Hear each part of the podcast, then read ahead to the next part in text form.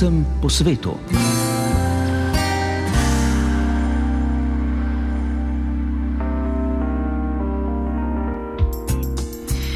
Pozdravljeni v tokratni oddaji, ki bo v času in vzdušju primerno tudi praznično obarvana.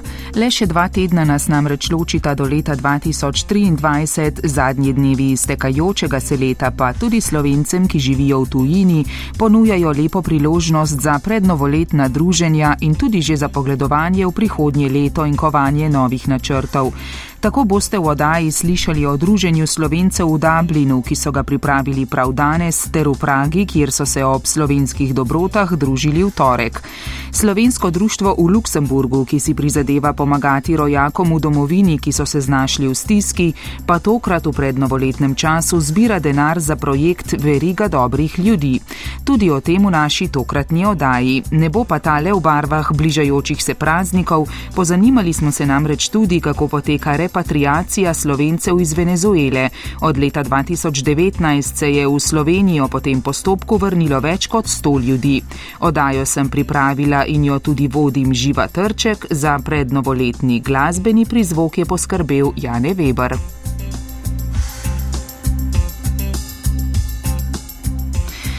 Najprej o vračanju slovencev iz Venezuele.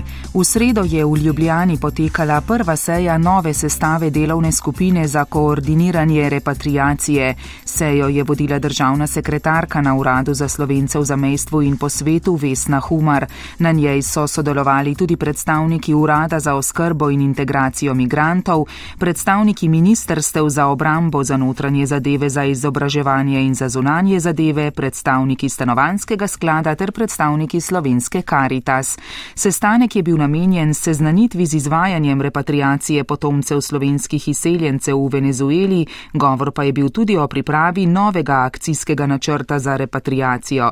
Več o srečanju mi je povedala državna sekretarka Vesna Humar. Predvsem je zelo pomembno, da zastavimo uh, nadaljevanje tega procesa. Uh, namreč vlada Republike Slovenije je sprijela v letu 2019 akcijski načrt, ki predvideva, da se bo v Slovenijo iz Republike Venezuele vrnilo od 70 do 100 ljudi. Uh, no, iz Venezuele je uh, v Slovenijo prišlo že več kot 100 naših rojakov, ki uh, so se odločili, da ob katastrofalni humanitarni situaciji v tej državi izkoristijo možnost, da se vrnejo v matično domovino, kar pomeni, da je pravzaprav treba ta proces zastaviti na novo oziroma si zamisliti, njegovo nadaljevanje namreč ne kaže, da bi se ekonomske in socialne razmere v Venezueli tako hitro, drastično spremenile, da ta ukrep ne bi bil več potreben.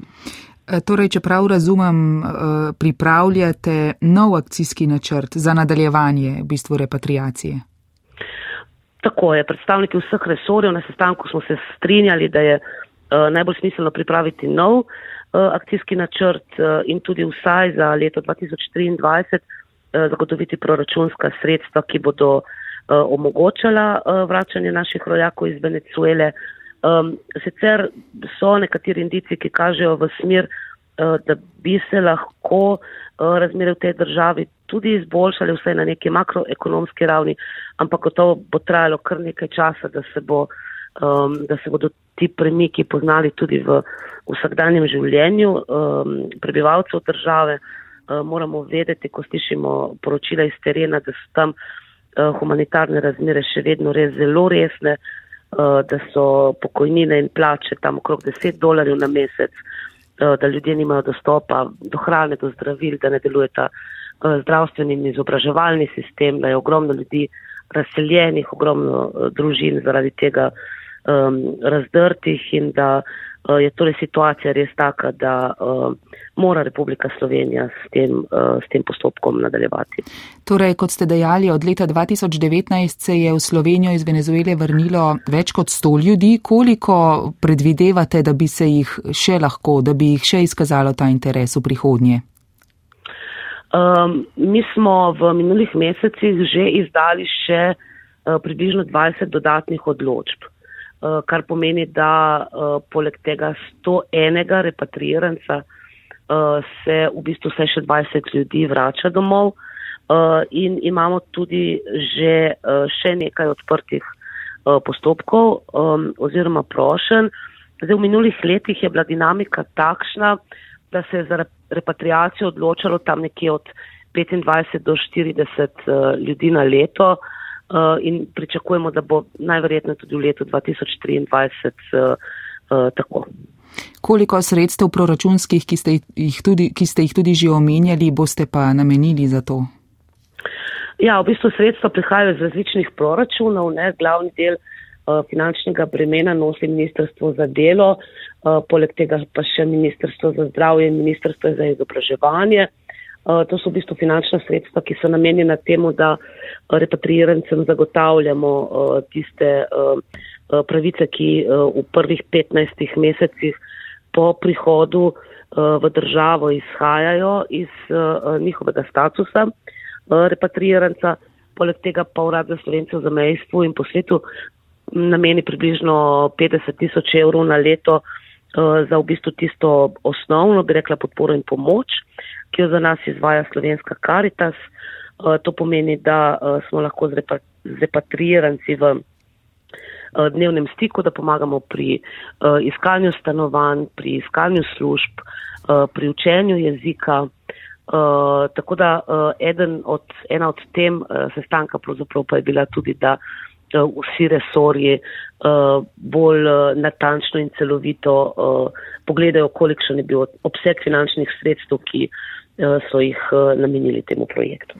Komu pa pravzaprav pripada ta pravica, da se vrne v Slovenijo? Pravica do repatriacije v bistvu pripada um, posameznicam in posameznikom, uh, slovenskega rodu.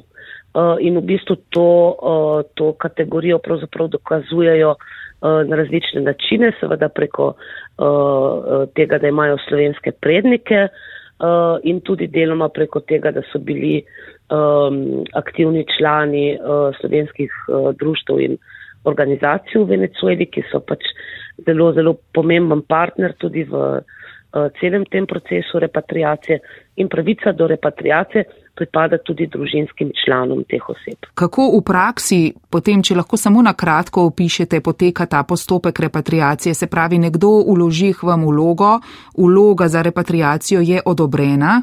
Uh, kaj se potem zgodi, ko ta oseba oziroma ta oseba skupaj z družinskimi člani pride v Slovenijo? Jo tukaj čaka namestitev, uh, neka denarna pomoč, prej ste že omenjali, uh, da so različna ministrstva in tudi slovenska karitas vključeni v ta proces. Uh, ja, tako, ko uh, oseba dobi odločbo, najprej seveda je uh, tu zelo pomembna vloga Ministrstva za znanje zadeve uh, oziroma našega diplomatsko-konzularnega predstavništva, uh, ki poskrbi za uh, izdajo potnih listin, uh, če jih oseba še nima za izdajo vizuma, če ga potrebuje in tudi za nakup letalskih kart. Ne, in v bistvu za, za celo ureditev tega, tega tega prihoda v državo, to je, to je tudi finančno breme države. In ob prihodu pravzaprav sodelovke in sodelovci Slovenske karitas že pričakajo v bistvu te osebe na letališču, uh, jih jim pač izrečejo dobrodošlice v državi uh, in pomagajo urediti najem uh, prve nepremičnine. Seveda tu skušamo iskati pač um, nepremičnine z nekimi ugodnimi uh, najemninami. Eh, dobivajo uh, neko osnovno pomoč, uh, dobrih 10 evrov na, uh, na dan, takoj pa lahko tudi repatriiranci v skladu z zakonom vstopajo na trg dela uh, in številni si začnejo kar takoj iskati uh, službo. Uh, tako da en, en pomemben vidik pa je seveda učenje slovenskega jezika. Uh, nekateri prihajajo z dobrim znanjem, nekateri z malo slabšim. Uh, tisti, ki so potomci četrte ali pete generacije, včasih tudi eh, brez znanja eh, slovenskega jezika, tako da tu sodelujemo in z uradom za oskrbo migrantov in z ministrstvom za izobraževanje, s centrom za učenje slovenskega jezika. Skratka, skušamo v bistvu čim bolje sodelovati, da pridejo čim prej do tečajev slovenskega jezika in potem sodelovci Karitas res jih nekako spremljajo in jim pomagajo. Cel kup stvari je res treba urediti in ni preprosto od dostopa do zdravnika. Repatriiranci uh, imajo plačeno obvezno zdravstveno zavarovanje, se pravi, se lahko vključijo v zdravstveni sistem, uh, ampak ni pa preprosto tega realizirati, ne, se pravi poiskati zdravnika, uh, urediti dokumentacijo do, vem, vozniškega dovoljenja. Ne, se pravi, cela vrsta dejavnosti je, ki jih je treba upraviti, zato da se pač to življenje v novi državi začne. Prihajajo pa tudi otroci, ne, se pravi vrčovski, osnovnošolski otroci in srednje šolci in tu tudi uh, pomagamo pri vključitvi v izobraževalni sistem. Jim pa pomagate odraslim seveda tudi pri iskanju zaposlitve?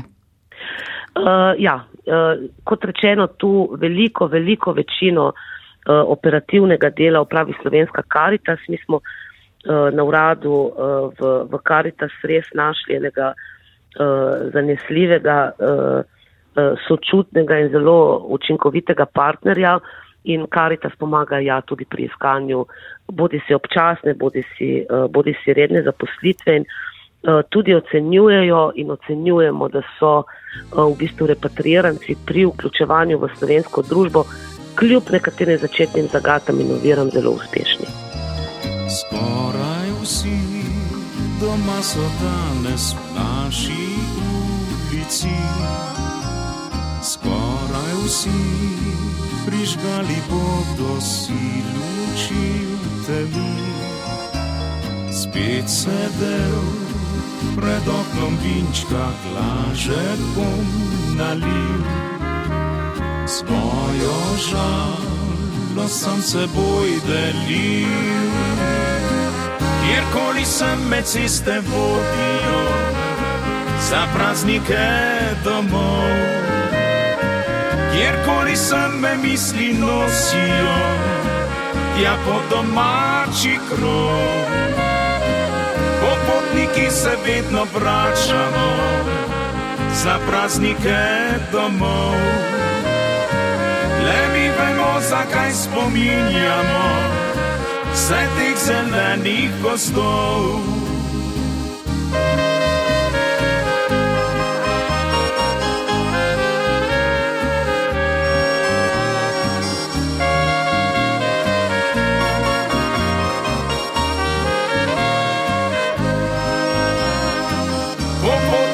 Se vedno vračamo za praznike domov.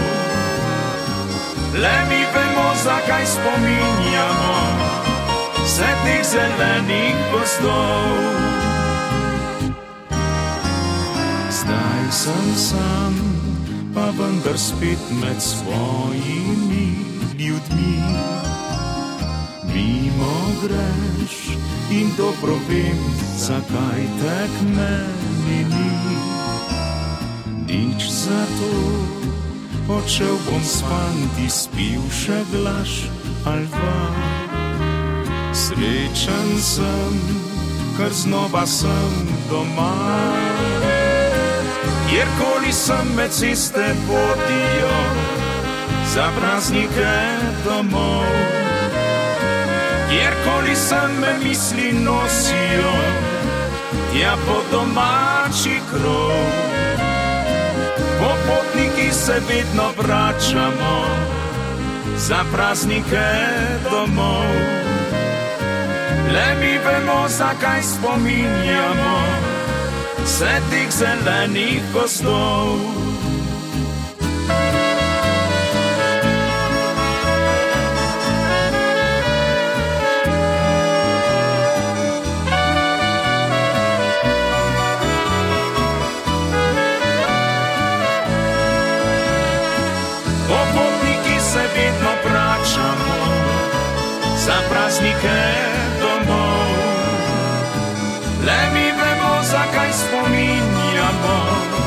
Vse teh zelenih gostov.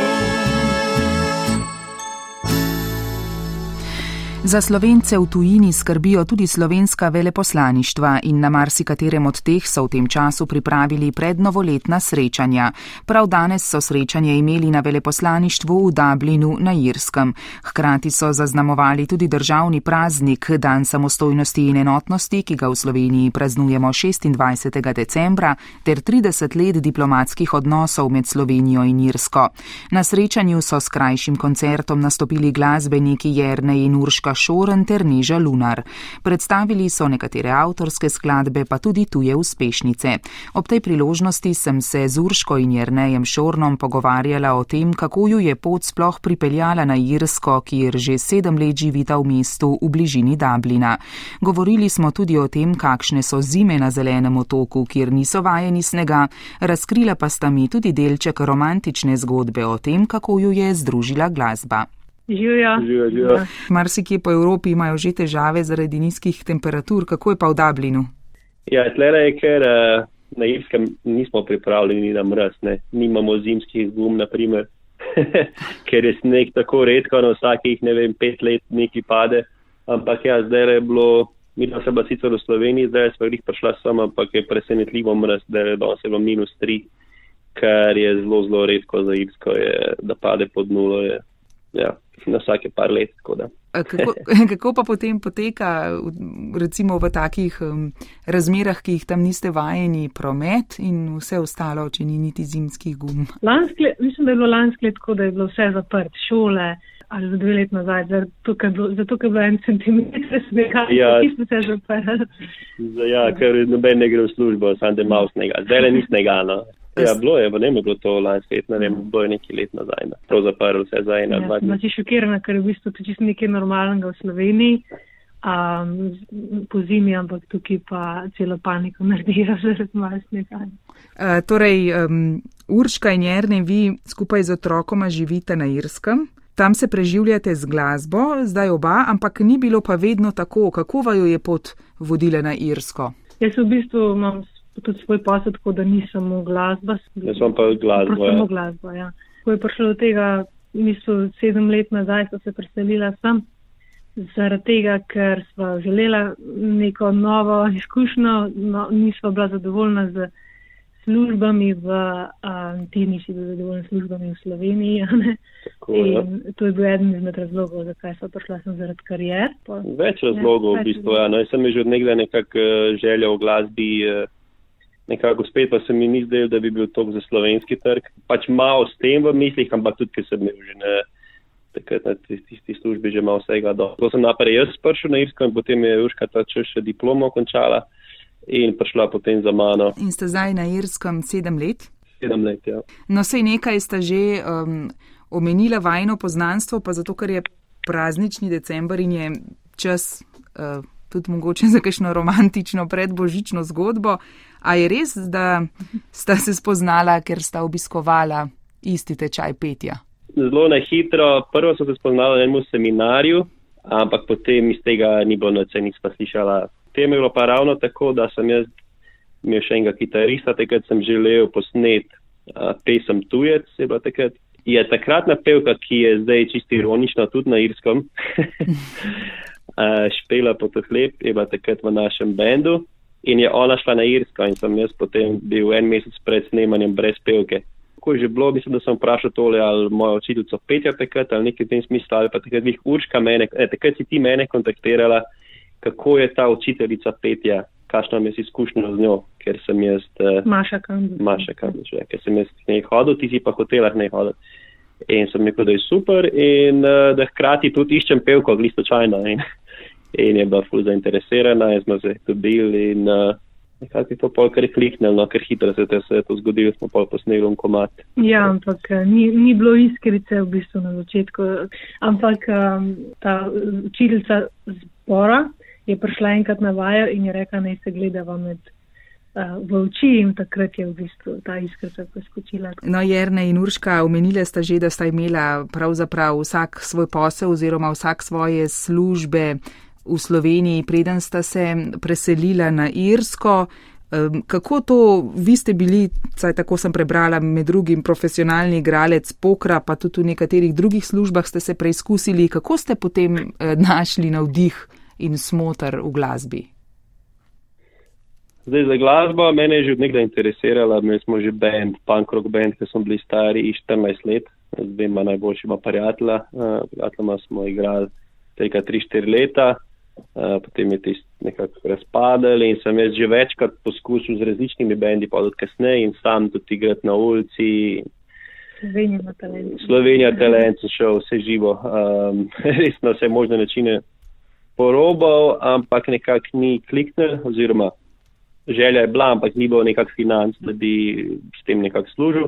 Potem pa v bistvu letos, aprila, sem igral pokarja, profesionalno imel sem investitorja z Avstralije eh, in smo nekako zaključili tisto zgodbo.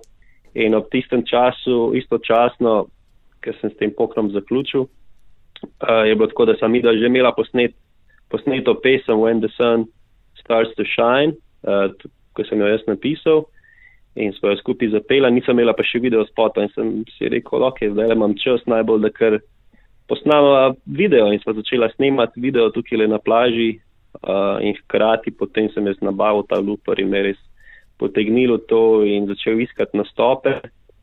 In je bil kar nekak uh, odziv, tako kar hitro sem dobil nek feedback, nekih agencij bilo zainteresiranih, da bi lahko imel nastope, pa njih pa nekih teh lokalov. In potem sem imel prvi nastop uh, julija in od takrat naprej sem že ja, več kot 20 nastopov. Torej igrate kitaro in tudi pojete, Urška pa poje z vami? Včasih nastopava sta, uh, skupaj, včasih nastopam sam ampak uh, je, ona pa njen vokal se lepo mhm. ujame z mojim vokalom in ona se spomne harmonije za, vse originalne, pes, originalne pesmi, ki imamo malo skupaj. Kar se pa tiče nastopov, sem večji del sem jih delal sam, no, tudi zaradi varstva otrok, pa jih je ona imela, pač čuvala, ker sem imel nastope, pa dosti jih je tudi kako daleč stran od tukaj. Jerne in Urška, vidva sta glasbenika slovenca, ampak na Irskem pa nastopata Eh, pod uh, imenoma Jerry in Elza Miles. Zakaj? Ja, jaz sem imel nekako že, koliko je bilo to, deset let nazaj sem bil v Avstraliji, crka tri mesece. In že takrat sem imel nekako malo sanje o glasbi in sem tam igral na ulici, pa tako malo. Uh, in zdaj, ker sem jaz rekel, ljudje so me vprašali v Avstraliji, kot je ime, in ker sem rekel Jerne, so vsi, uh, Jerny, Journey, Journey, Journey, težko jim je bilo zgovoriti in sem rekel, okej. Okay. Jerry, tako sem že klical, frendi Jerry. Ok, Jerry, pa se moram pa še spomniti nekaj, kar bo šlo zraven, Miles mi bo nekako všeč, ker mi tako pomeni neka pot, pa nekaj v tem, kot da imam še dolgo pot pred sabo, ali nekaj v tem smislu. In potem sem jaz takrat že spomnil Jerry Miles tega imena in zdaj še deset let potem mi bo še zmeru všeč. Potem pa, ker ona nastopa tudi z mano, sem se mogla še za njo nekaj spomniti, zdaj pa ne točno, kako si se ti to spomnila med, uh, med filmom Let It Go, kaj je tisto ledeno kraljestvo. Frozen. Frozen, ja, pač uh, sem ga gledala in me tukaj navdihnil in sem se lahko poistovetila s to uh, junakinjo Elzo, sicer ona je sojem, jaz sem zojem. Je res, da vam je bila velika želja nastopati z Vladom Kreslinom? Ja, to je ena zelo posebna zgodba in sicer uh, jaz takrat, ko smo imeli še punk rock band, sem igral električno kitaro pravi 14 do cirka 17-18 let, ker smo pa bend razpadli in potem sem nehal igrati kitaro. In takrat sem bil še bolj v teh uh, rok vodah, taki punk rok, pa to sem poslušal. Dokler nismo potem na roko točil, sem jaz slišal nekako vlada Kristina v živo prvič in me je tok navdušila tista njegova glasba, da sem ga začel poslušati skozi in to je bilo tako dosti nekaj novega zame, ker sem bil bolj navajen na tisto uh, tako žaganje. žaganje dretje in uh, sem začel poslušati njega, ki je bilo lih kontra, tako bolj umerjeno, da me je začel to, wow, to je bilo nekaj fascinantnega, da sem dobil tisto željo, da bi jaz pa to igral tudi lahko na kitaro in ker sem dobil to idejo, ja, sem res, sem si potem kupil črno kitaro, tako kam on črno kitaro. In uh, sem se v bistvu tako učil potem akustično kitaro, da sem igral vse te nove komade od tisoč let, uh, tista črna kitara, nekega jutra, ko se zgodi preko Mure, preko Drave in uh, sem takrat sanjal, jo, pa enkrat res ni nastopil, ker me je tok, sem imel tisto črno kitaro in da bi jaz enkrat bil z njim na odru, na odru že takrat. In potem pa ja, leto se je to zgodil, da Uh, je prišel, je imel nastop uh, Vlado Krislin v Dublinu, mi dva so, sem to slišal v bistvu ene tri mesece pred tem že in sem bil, wow, to bi bilo pa fajn, da bi mi dva nekako zraven prišla in sem mu poslala v bistvu video, Vlado Krislinu, tako oseben video, kjer sva zapela njegovo tisoč let in še povedal sem mu to mojo zgodbo in mu tudi pokazal to črno kitaro, ki sem jo kupil nekak, mislim, kot njegova, zaradi njega oziroma ker me on tako inspiriral. In je sprejel najno povabilo in naj, mislim, naj en video je pogledal in naj povabil, da zapojeva en komad z njim. Ta tisoč let in je bilo res nekaj eh, neverjetnega. In potem je tudi podpisal to isto črno kitaro, se tle zdaj gledam tam neobešena. Ko smo že prej govorili o predbožični romantiki, pa smo zdaj prišli na neko predbožično uresničitev sanj. Ja, prvo uresničitev sanj, res dobesedno. Torej, Jerne in Urška, vidva sta pripravila tudi glasbeni program za prednovoletno srečanje slovencev na slovenski ambasadi v Dublinu. Kako ste dobili vabilo na nastop oziroma kako to, da tam nastopata? Zdaj je to vse nekako povezano s tem nastopom z Vlado Kreslina, ki je prišel Vlado Kristin v tale irski pub Cobblestone. Uh, to bo zdaj 7. oktobra. Uh, tudi dva meseca nazaj, ja, že v glavnem sem midva nastopila gor, ne z njim za eno pesem, kot je tudi ogromen uh, slovencev tam, ampak je bil tudi ta naš ambasador. In jaz sem imel že, ker sem šel na ta nastop, sem že imel idejo. Nastopam skozi v teh hirskih pabih, pa tam, kjer smo tudi željo pred slovenci igrati in uh, bom rekel ambasadorju, kar na tem nastopu, če ga srečam. In res sem srečal potem. Uh, našega ambasadorja tam na tem nastopu in sem mu rekel, da jaz eh, pač igram po pubih, ampak vidim, da je interes, pač ful slovencev se izbrali takrat za Kristino nastop. Vidim, da je interes in jaz bi rad naredil še kaj za kakšen nastop za slovence. In je bil res takoj za stvari rekel, ok, levo, deva se midva dobiti v kar na ambasadi, kjer so ravno nekako uredili tak večnamenski prostor in so se res midva dobila, tukaj še en teden zatem, eh, da sem jaz si pogledal ta prostor in so res pol lepo naredili. Zdaj imajo tudi dve slovenke tam razstavo slik. In ta večnamenski prostor je namenjen za slovence, zdaj na Irskem, da z njim nekaj, nekaj naredimo, ne, da ga napolnimo. In je potem prišla ideja, da pa pa dajmo kar narediti nek nastop zdaj za novoletno, novoletno obarvan. In uh, ja, evo, zdaj smo se kar tako le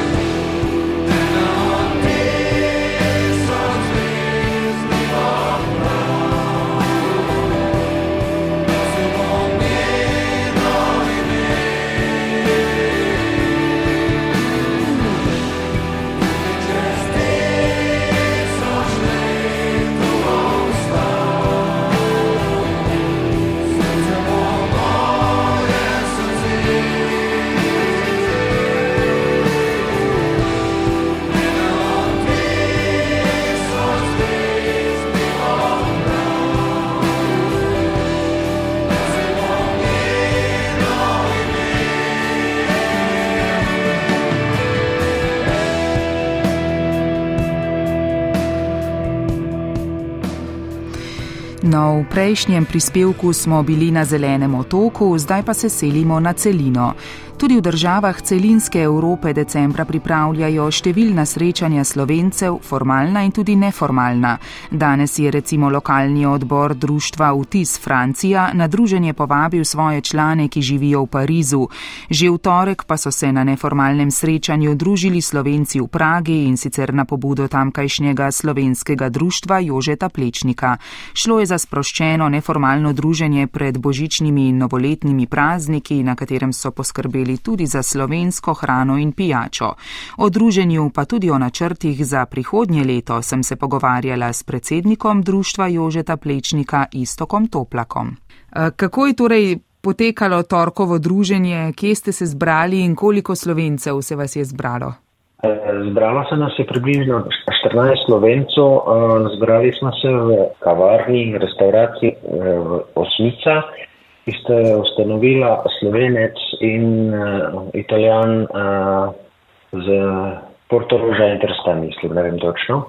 Z Primorja je pomembno, oziroma z Istre, oba, oba sta z Istre. Uh, zakaj smo se tem zbrali? Zato, ker smo hoteli podpreti malo slovensko dejavnost, pomeni smo se ustavili pri slovenski restauraciji. Ker je bil kuhar uh, Ivan, je tam bil prisoten, ki je bil slovenc. Bil pa prisoten Giulio, ki je v bistvu njegov partner italijanski strsta. Ste pa tudi zapisali v vabilu na to srečanje, da vas bosta spremljali Jota in slovensko vino. Maj bilo tako potem? Je bilo. Kljub temu, da je naprimer solasnik italijan, je mogoče 99% proizvodov slovenskih, v slovenske istre, pomeni siri, eh, vino, eh, tako da smo začeli z eh, slovensko rebulo, potem smo pa nadaljevali z slovensko joto, kot se vedno zgodi. Kaj se vam zdi, da je največji čar to vrstnih neformalnih družen, kot je bilo Torkovo? Zakaj so tako pomembna? E, neformalno so pomembna zato, ker nekateri ljudje ne želijo se formalno srečati. Če pa neformalno, pa v bistvu nimamo nobenega programa, srečamo se nekateri ljudje, povemo se, e, pogovorimo se in se dogovorimo za naslednjo srečanje. Kakšna je pa sicer Praga v tem prazničnem času? Eh, lahko jo primerjamo z Ljubljano, samo da je malo večje, pa bo um, številčno uh, glede turistov. Drugače je vse osvetljeno, uh, novoletna uh, drevesa posod cvetijo, posod se pije um, kuhano vino. Uh, posod je ogromno ljudi, ne samo turisti, tudi Čeho, ki vsi pridejo na tržnice pogledati uh, drevo, pa vse te darila, ki se prodajajo.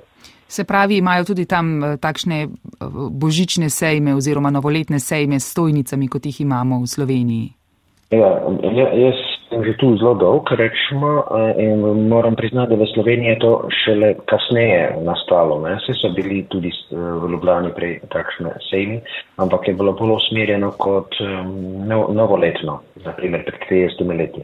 Na češkem so pa te božični sejmi bili že tudi v starem sistemu. Poleg teh, ki ste jih omenili, božičnih sejmov, uh, imajo Čehi mogoče še kakšne eh, druge decembrske tradicije? Kako praznujejo decembra? Uh, bo, za božiča se boži, na češkem je božični m, praznik v bistvu tri dni, ker se praznuje božič, prvi uh, po božični dan, pa drugi po božični dan.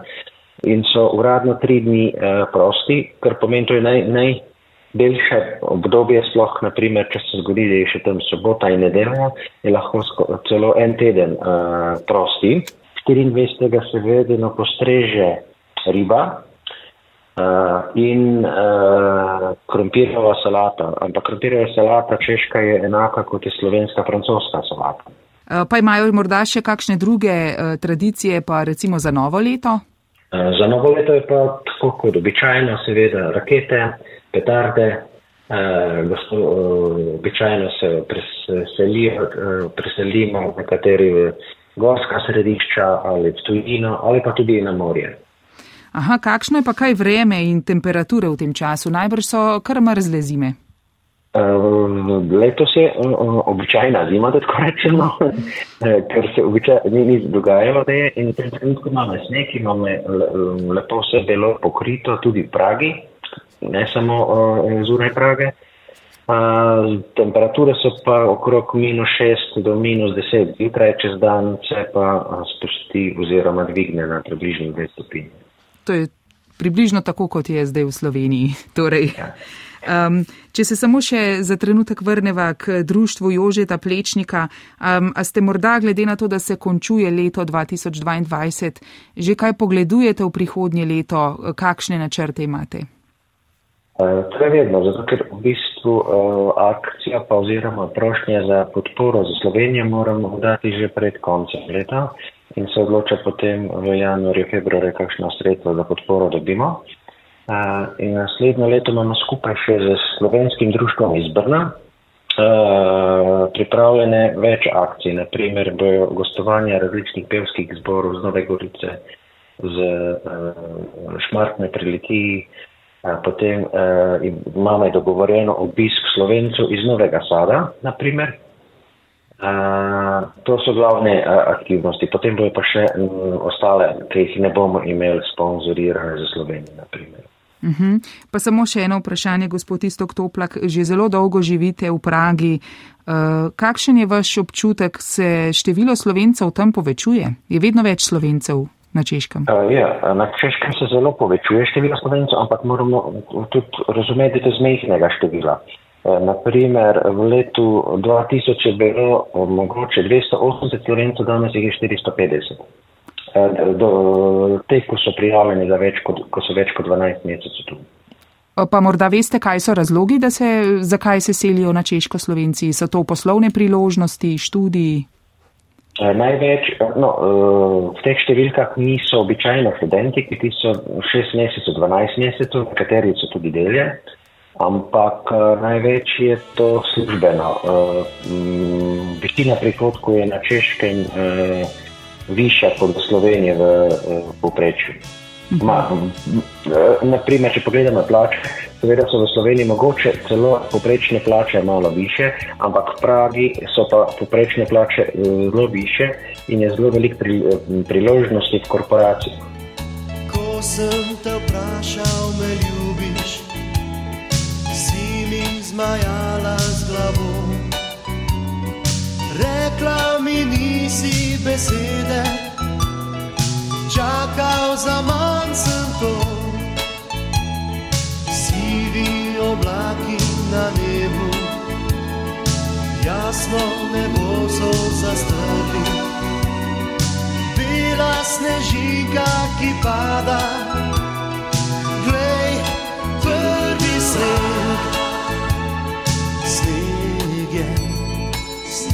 glej, zunaj sneg je.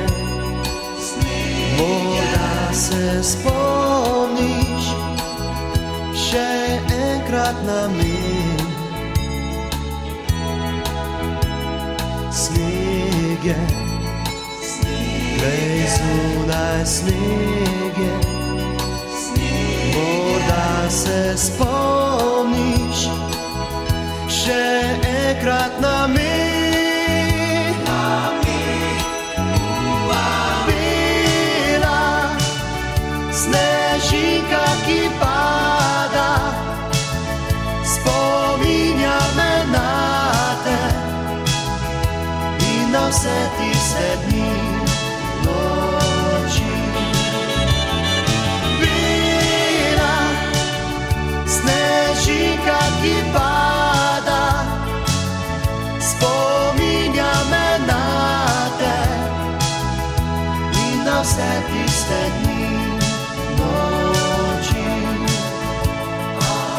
Sem te vprašal, me ljubiš, si mi zmajala z glavo. Rekla mi nisi besede, čakal za manj sem to. Sneg je, glej zunaj sneg je, morda se spomniš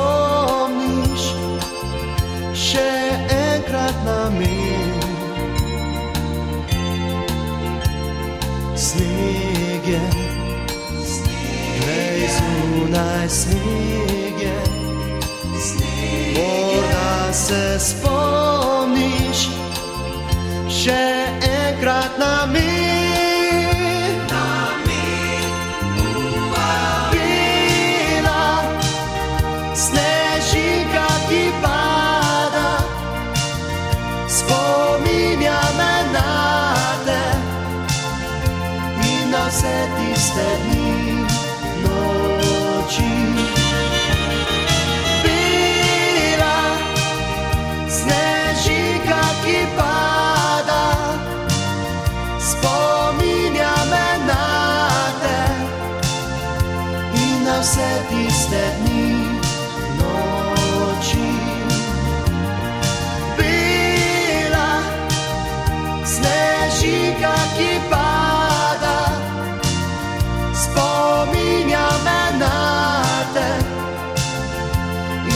in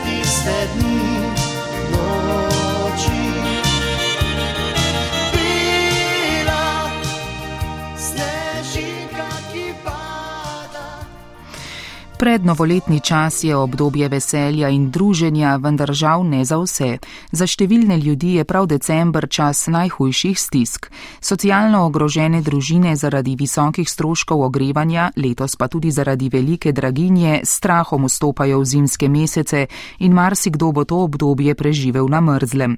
Da bi vsaj malo pomagali pri spopadanju z revščino, so se v slovenskem društvu Slolux v Luksemburgu odločili za dobrodelno akcijo za pomoč družinam v stiski.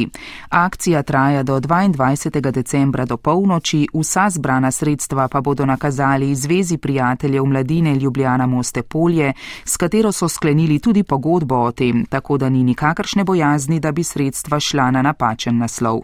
Prav vsak cent bo namreč prek Zveze prijateljev mladine Ljubljana Moste Polje namenjen tistim, ki pomoč najbolj potrebujejo. No, za nekaj več informacij o tem pa sem v Luksemburg poklicala Emila Kosa. Ne le Slovenijo, ampak tudi Luksemburg je zajelo predbožično, prednovoletno vzdušje, ki pa žal za marsikoga zaradi revščine ni veselo in praznično. Letos je zaradi visokih cen energije in nasploh podražitev številnim ljudem verjetno še težje kot prejšnja leta. In v društvu Slolux ste se zato odločili za sodelovanje v dobrodelni akciji za pomoč družinam v stiski v Sloveniji. Povejte, prosim, Emil Kos, kaj več o tem. Ja, lep pozdrav tudi z moje strani. Uh, glejte, mi v društvu organiziramo dobrodelne akcije že vse od ustanovitve društva leta 2015. Takrat mislim, da se je najprej zbiralo za krisa, potem se nam je pa zdelo, da um, nekako standard v Luksemburgu je vseeno toliko višji, da mi lažje pomagamo in ker uh, ne moremo doskrat uh, fizično pomagati, ker smo dislocirani, uh, pomagamo z zbiranjem financ. In ja, drži, da letos uh, je situacija še predvsej uh, težja. Uh, v odboru smo imeli kar problem izbrati letošnjo akcijo, ker namreč za razliko od prejšnjih let, tako kot ste omenili, je letos kriza veliko večja ravno zaradi draginje, zaradi višjih stroškov energentov in smo kar nekaj časa razpravljali v društvu, v katero smer naj pa letos gremo. Na koncu smo se odločili, da je kljub vsemu najbolje pomagati tistim, ki bodo mogoče zaradi pomankanja sredstev v mrazu, brez elektrike.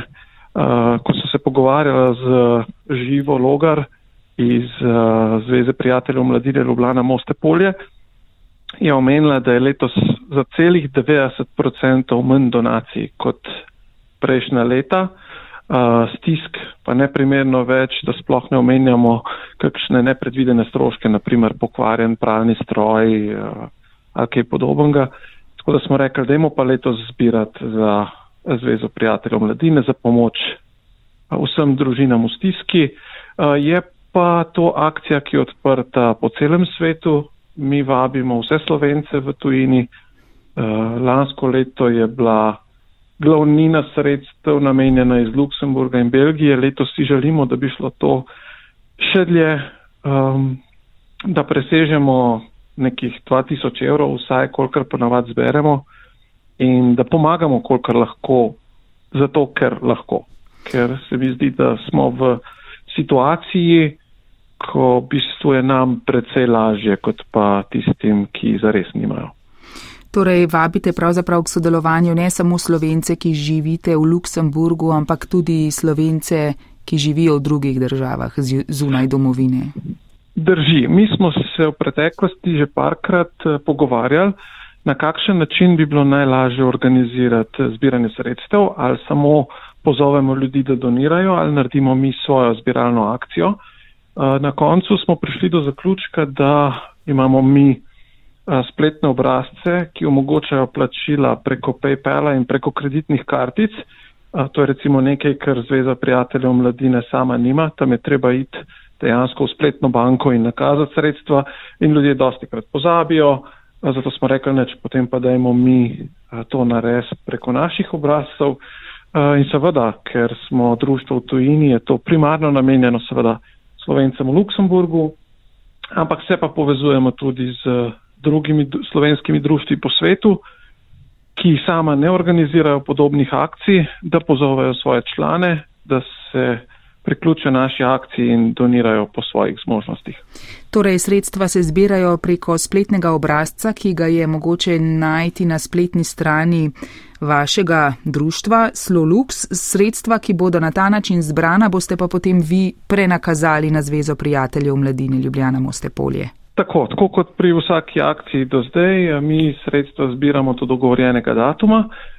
Takoj po zaključku akcije, takoj naslednji dan, mi iz vseh naših računov izvozimo vsa prejeta nakazila, podpišemo donatorsko pogodbo z organizacijo prejemnico in potem prenakažemo sredstva še isti dan, da ta pomoč pride v prave roke čim prej. Je pa akcija vnaprej dogovorjena z, z organizacijo prejemnico.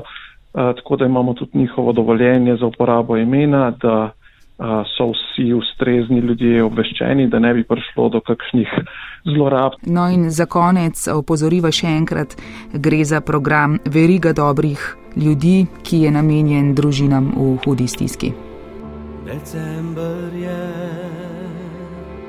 čas praznikov, ko v upanju želje nosimo domov, ko vsak od nas hiti, da ne zamudi in pripravljen bo za radosti bližnjih dni. Iščem v spominu,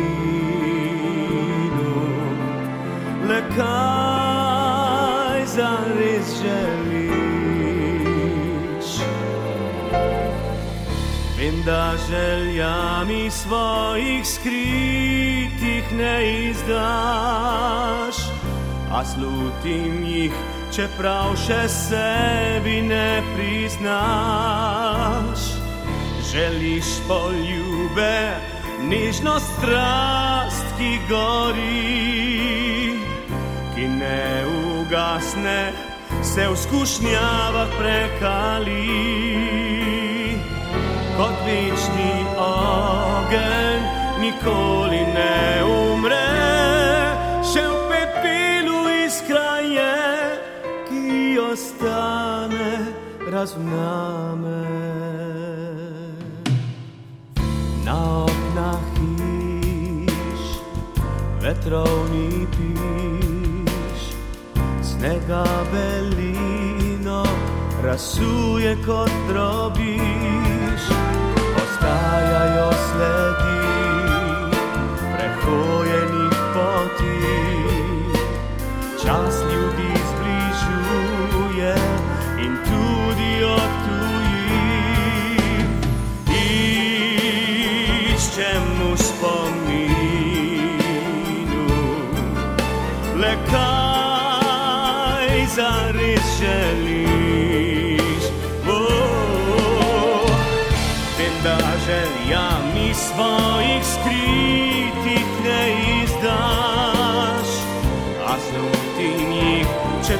Še sebi ne priznaš.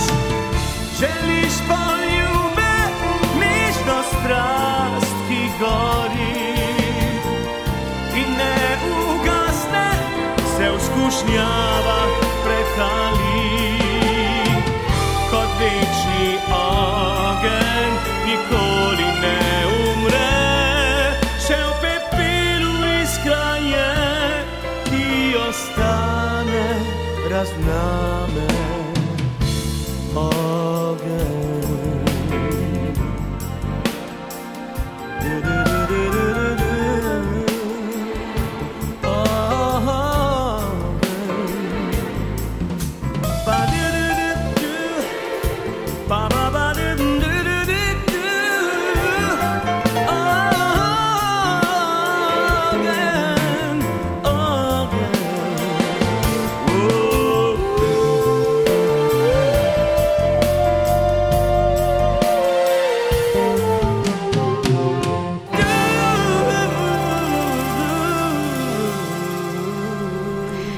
Ta mesec na povabilo Urada za slovence v zamestvu in po svetu prihajajo voščila rojakov z vsega sveta, urad pa jih objavlja na svojem profilu na družabnem omrežju Facebook. Tam si lahko voščila tudi ogledate, bolj kot se bližajo prazniki, več jih je. Vse dobro vam želimo tudi glasbeni urednik Jane Weber, tonski mojster Blaž Kumše ter Živa Trček, ki sem pripravila in vodila odajo. Znova nas lahko najdete na spletni strani prvega in v podkastu odaje. Do prihodnjič vas lepo pozdravljam.